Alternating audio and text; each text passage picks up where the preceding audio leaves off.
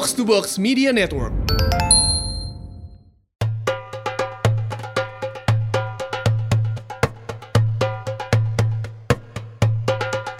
Assalamualaikum warahmatullahi wabarakatuh. Selamat datang kepada jamaah Box to Box Iyah yang berbahagia. Selamat datang juga kepada undangan yang telah datang ke acara syahdu kita pada hari ini. Kultum dari Box to Box Football Podcast. Karena kali ini kita akan membahas sebuah cerita yang berhubungan dengan ibadah. Bersama saya Tio Prasetyo Utomo atau mungkin kalian bisa memanggil saya Uyo akan menceritakan sebuah kultum yang sangat luar biasa bombastis kali ini. Begini ceritanya. Ada sebuah hadis riwayat At-Tarmizi yang berbunyi, Mukmin yang paling sempurna imannya adalah yang paling bagus akhlaknya. Iman direfleksikan melalui hubungan kepada Tuhan, sementara akhlak dicerminkan melalui perbuatan terhadap sesama. Ini artinya, jika kita mau melihat kesalehan seseorang, kita bisa melihatnya pada perbuatan orang tersebut. Kebetulan kita sudah mencapai hari ke-23 Ramadan, pertanda sudah semakin mendekati Idul Fitri. Selain beribadah kepada Allah Subhanahu wa taala sampai menuju hari kemenangan, jangan lupakan momen tersebut adalah waktunya kita berkontribusi kepada sesama, yaitu melalui zakat fitrah. Zakat ini ditujukan agar diri kita semua mencapai fitrah Allah Subhanahu wa taala dan cara mencapai fitrah Allah itu adalah dengan menyisikan sebagian harta dan membantu sesama. Di dunia sepak bola profesional, tidak sedikit pemain yang bergelimang harta Para pesepak bola adalah mereka yang bukan hanya punya pengaruh besar lewat permainan di atas lapangan, melainkan juga lewat harta kekayaan di luar lapangan hijau. Menyisikan sebagian harta dan membantu sesama ini juga dilakukan oleh seorang Juan Manuel Mata dengan inisiasi Common Goal. Dalam sebuah riwayat, Mata bersabda, sepak bola menghasilkan banyak uang, tapi harus ada tanggung jawab sosial yang menggiringnya. Sepak bola bisa mempengaruhi hidup orang-orang secara positif. Sepak bola bisa membantu masyarakat dan dengannya sepak bola akan ikut terbantu juga. Program Common Goal merupakan sebuah gerakan yang mengajak seluruh elemen sepak bola, mulai dari pemain, pelatih, hingga klub untuk menyisikan satu persen pendapatan mereka guna disumbangkan bagi yang membutuhkan. Hingga saat ini sudah lebih dari 150 elemen sepak bola yang tergabung dalam gerakan Common Goal. Selain Juan Mata, para pemain yang bergabung adalah Giorgio Chiellini, Mats Hummel, Serge Gnabry, bahkan hingga legenda sekelas Eric Cantona. Gelandang Jepang Shinji Kagawa menjadi pemain Asia pertama yang mengikuti inisiasi Common Goal ini. Serta dua bintang sepak bola perempuan Casey Stoney dan juga Megan Rapinoe juga ikut aktif dalam gerakan Common Goal. Sementara itu untuk pelatih, duo Jerman Jurgen Klopp dan juga Julian Nagelsmann tidak ketinggalan turut serta. Tak mau ketinggalan juga, sebuah klub dari Denmark bernama FC Nordsjælland menjadi klub pertama yang bergabung dengan Common Goal. Setiap satu persen dari pendapatan tiket pertandingan kandang akan mereka sumbangkan. Ikrar tersebut mereka cetak di tiket pertandingan sehingga gerakan ini menjangkau para pendukungnya secara langsung. Tujuan akhir Common Goal menurut Juan Mata adalah mencapai posisi di mana satu persen dari total triliunan dolar yang dihasilkan oleh industri sepak bola kemudian bisa disumbangkan untuk kemanusiaan.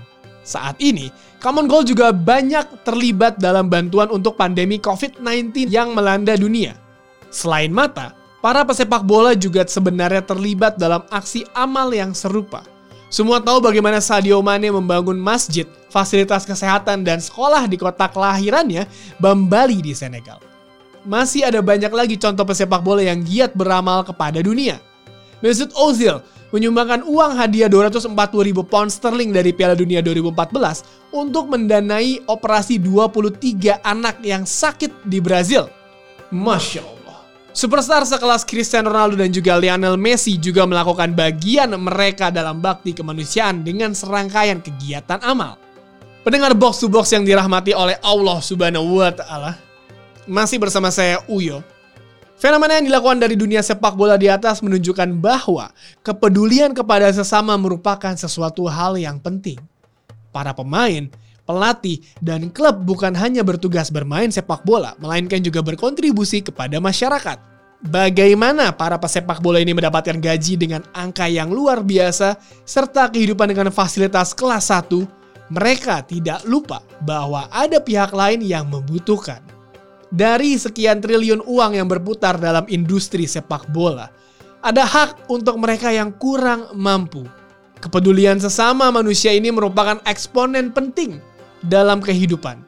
Dalam suatu kisah, Rasulullah SAW pernah tidak terkesan kepada seseorang yang rajin beribadah ke masjid, tapi melupakan hal-hal lain dalam kehidupannya, seperti keluarga dan tetangganya. Masya Allah.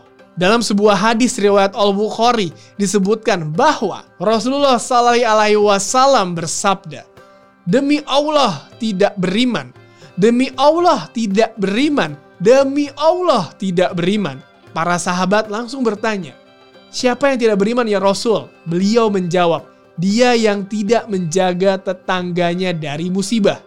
Hadis lain dari riwayat Al-Hakim juga menyebutkan, dari sahabat Ibnu Abbas, Nabi Muhammad SAW pernah bersabda, seorang muslim tidak beriman jika ia kekenyangan, sedangkan tetangganya kelaparan.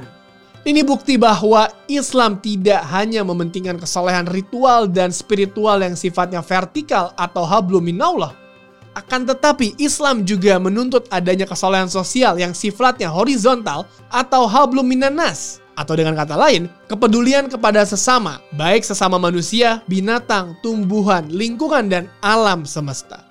Pada hakikatnya, Islam merupakan rahmat bagi semesta alam, juga termasuk para pengikutnya. Jika dianalogikan ke sepak bola, hablum minallah ini seperti para pemain, pelatih, dan klub yang menghamba kepada kurotal kodam alias sepak bola. Mereka berlatih dan bermain bola sebaik-baiknya. Namun para pemain, pelatih, dan klub juga harus memikirkan hablum minanas. Minimal berupa hiburan kepada penonton. Dan akan lebih baik lagi jika bisa berkontribusi sosial kepada masyarakat dan lingkungan.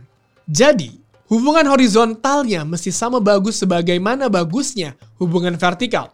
Sesuai dengan firman Allah dalam surat An-Nisa ayat 36 yang berbunyi, Sembahlah Allah dan janganlah kamu mempersekutukannya dengan sesuatu pun. Dan berbuat baiklah kepada dua orang ibu bapak, karib kerabat, anak-anak yatim, orang-orang miskin, tetangga yang dekat, tetangga yang jauh, teman sejawat, ibnu sabil, dan hamba sahayamu. Sesungguhnya Allah tidak menyukai orang-orang yang sombong dan membangga-banggakan diri.